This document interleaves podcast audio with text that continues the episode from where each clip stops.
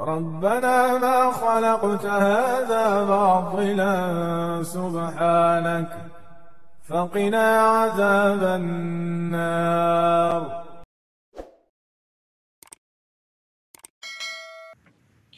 Jadi banyak masalah teman-teman sekalian berkaitan dengan makanan tadi. Jadi kalau saya kadang-kadang membayangkan makanan ini panjang banget ceritanya, ya, panjang banget ceritanya. Karena memang eh, terlalu banyak pengganggu dalam makanan tadi. Ya, jadi tapi tapi kita punya eh, cara-cara yang nanti kita Shallallahu Alaihi Wasallam bisa atau mungkin kita bisa terapkan dari eh, apa namanya dari petunjuk Nabi kita seperti itu.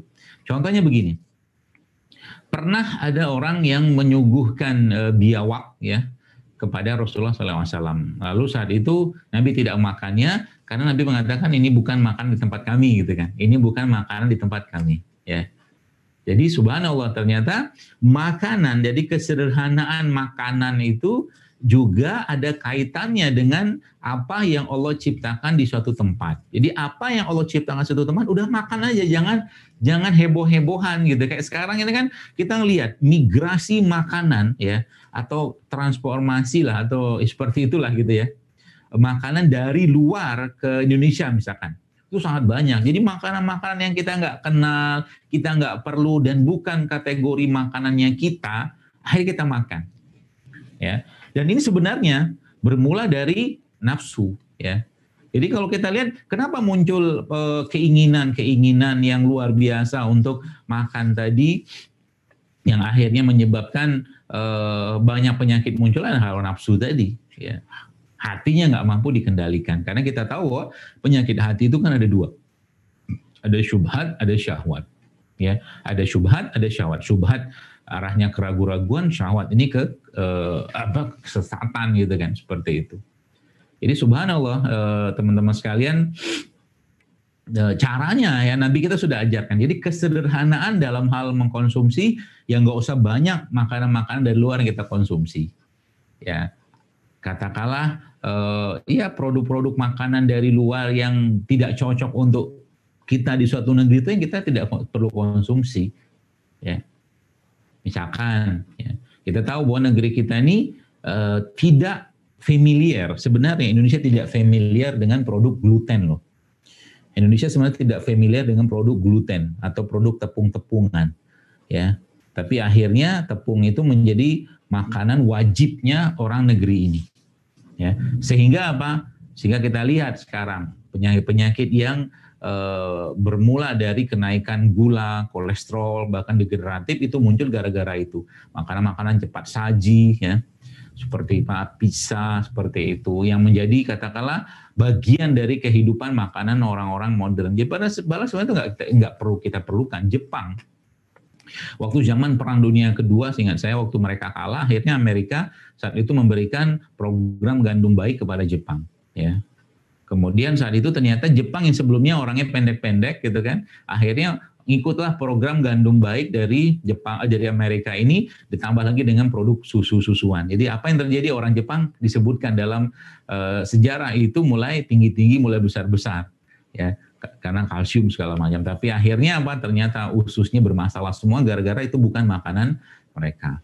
Jadi orang Indonesia kalau kita bicara kesederhanaan kita, ya udah makan apa yang di tempat ada yang apa yang Allah ciptakan di negeri kita ini ya tepung-tepung. Kita tidak makan dari terigu-teriguan. Kita makan tepung itu dari tepung-tepung non gluten seperti mungkin kentang ya atau singkong itu kan non gluten tuh.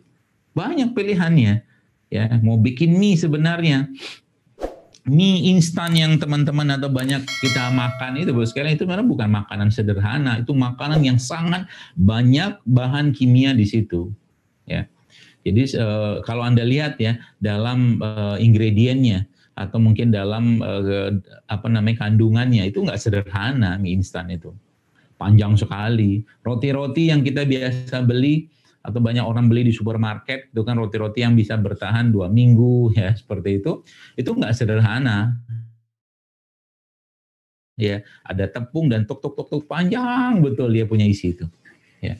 Maka kesederhanaan ini kita mau kembalikan dengan cara apa? Dengan cara me, mengkonsumsi atau mungkin kita kembali pada produk ciptaan Allah yang tidak banyak pengolahan tapi banyak mengandung zat-zat gizi penting. Contoh tadi saya misalkan kita sebutkan atau mungkin saya sebutkan kunyit saja misalkan.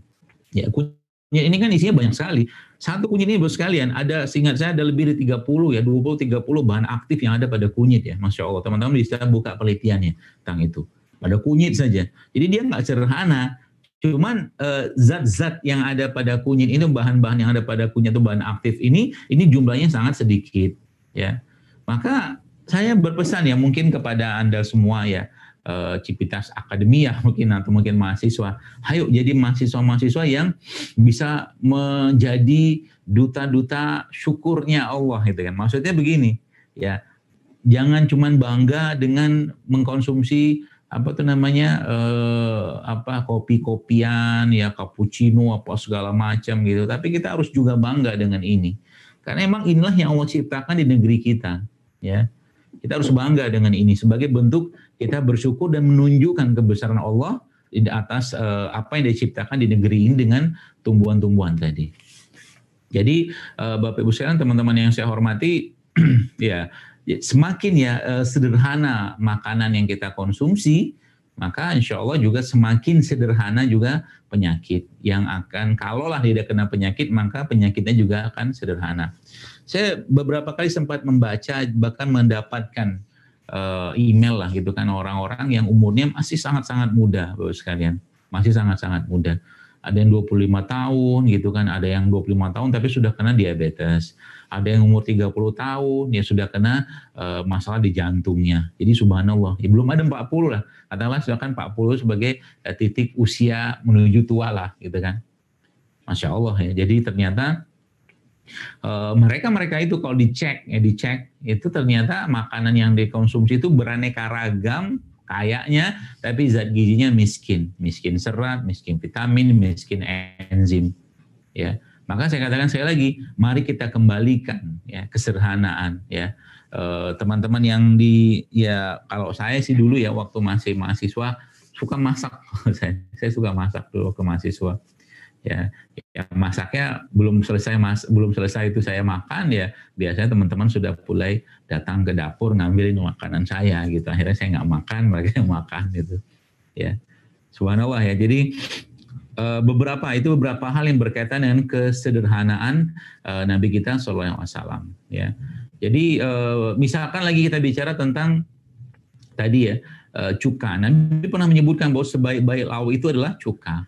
Ya, sebaik-baik lauk adalah cuka. Cuka itu sekalian sebenarnya kan produk fermentasi ya, produk probiotik sebenarnya. Jadi ketika masuk ke badan kita, ya efek ke badan itu memang sangat luar biasa. Ya, efek ke badan kita sangat luar biasa. Di mana tadi saya katakan manfaat dari makanan-makanan atau minuman probiotik itu ya, mulai dari meningkatkan imunitas, kemudian dia juga memperbaiki metabolisme, memperbaiki pencernaan, menurunkan berat badan, ya. Maka apa-apa yang disampaikan Nabi itu, ya Rasulullah SAW itu, tadi lagi saya sampaikan, kesannya sederhana, kesannya sederhana, tapi subhanallah dia memiliki efek yang sangat powerful ke badan kita ya karena dari satu tumbuhan atau satu produk yang beliau Shallallahu Alaihi Wasallam sebutkan itu punya manfaat yang luar biasa.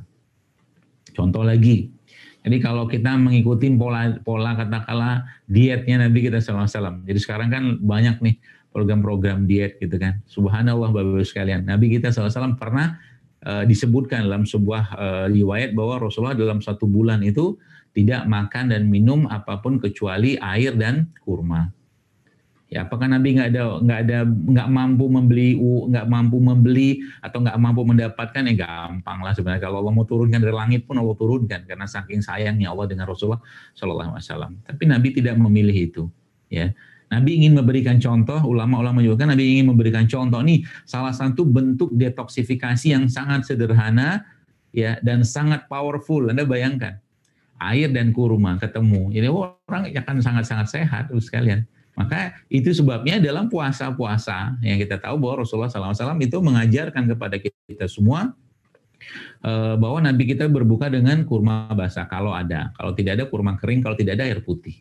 Yang ngandelin kurma doang ya. Apalagi kurma itu ya kurma seperti ini, ini masya Allah ya uh, dicampurkan atau dimasukkan ke dalam air yang kita kenal sebagai air nabis. Ya. Di mana uh, kurma tadi akhirnya terekstrak, terdifus ya, uh, masuk ke dalam air dan air tadi ber, berubah fungsinya selain sebagai minuman dia juga bisa berfungsi sebagai uh, makanan karena dia mengenyangkan kata Ibnu Qayyim al-Jauziyah dalam dalam uh, Tib Nabawi atau Zalumat yang beliau rahimahullah ya. Jadi masya Allah ya. Jadi termasuk juga saya berpesan kepada ahwat-ahwat ya yang e, menyaksikan video ini ya, subhanallah, mulailah untuk e, memperbaiki pola makan ya, terutama mengurangi makanan-makanan yang berbasiskan pada tepung-tepungan ya, karena memang itu nanti akan menjadi biang kerok masalah hmm, kewanitaan, khususnya misalkan menstruasi.